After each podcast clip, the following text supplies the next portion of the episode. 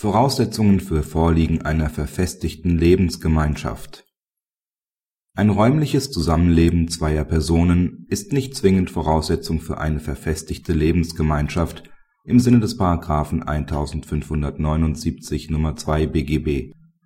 Es reicht für die Annahme einer verfestigten Lebensgemeinschaft aus, wenn beide seit mehr als drei Jahren in der Öffentlichkeit wie ein Paar auftreten die Ehe der Parteien wurde durch das Amtsgericht mit Verbundurteil geschieden, wobei der Frau ein unbefristeter nachehelicher Unterhalt zugesprochen wurde, obwohl sie ein intimes Verhältnis hat.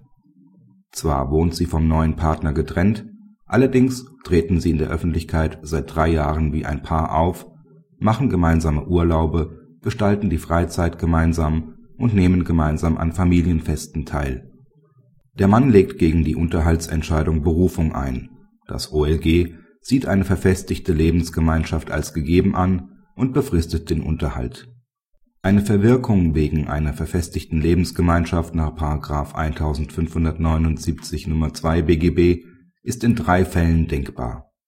Zum einen ist der Unterhaltsanspruch verwirkt, wenn von der Eheschließung mit dem neuen Partner nur deshalb abgesehen wird, um den Unterhaltsanspruch nicht zu verlieren (§ 1586 BGB zum anderen liegt eine Verfestigung vor, wenn eine ehegleiche ökonomische Solidarität geübt wird. Als dritte Möglichkeit der Verwirkung wird angesehen, dass sich die neue Beziehung in einem solchen Maße verfestigt hat, dass sie als eheähnliches Zusammenleben anzusehen ist. Entscheidend hierfür ist das Erscheinungsbild in der Öffentlichkeit.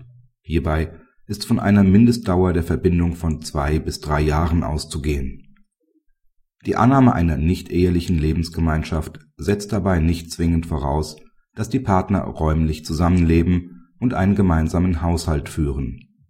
Maßgebend ist lediglich, inwieweit sich die neuen Partner in einer verfestigten Beziehung befinden und ihre Lebensverhältnisse so aufeinander abgestimmt haben, dass sie wechselseitig füreinander einstehen, indem sie sich gegenseitig Hilfe und Unterstützung gewähren um diese Annahme zu untermauern, sind gemeinsame Urlaube, gemeinsam oder mit Familienangehörigen verbrachte Freizeit oder Feiertage und die Anwesenheit des neuen Partners bei Familienfesten von Bedeutung. Praxishinweis Auch eine fehlende wirtschaftliche Verflechtung der Lebenspartner schließt die Annahme einer verfestigten Lebensgemeinschaft nicht aus.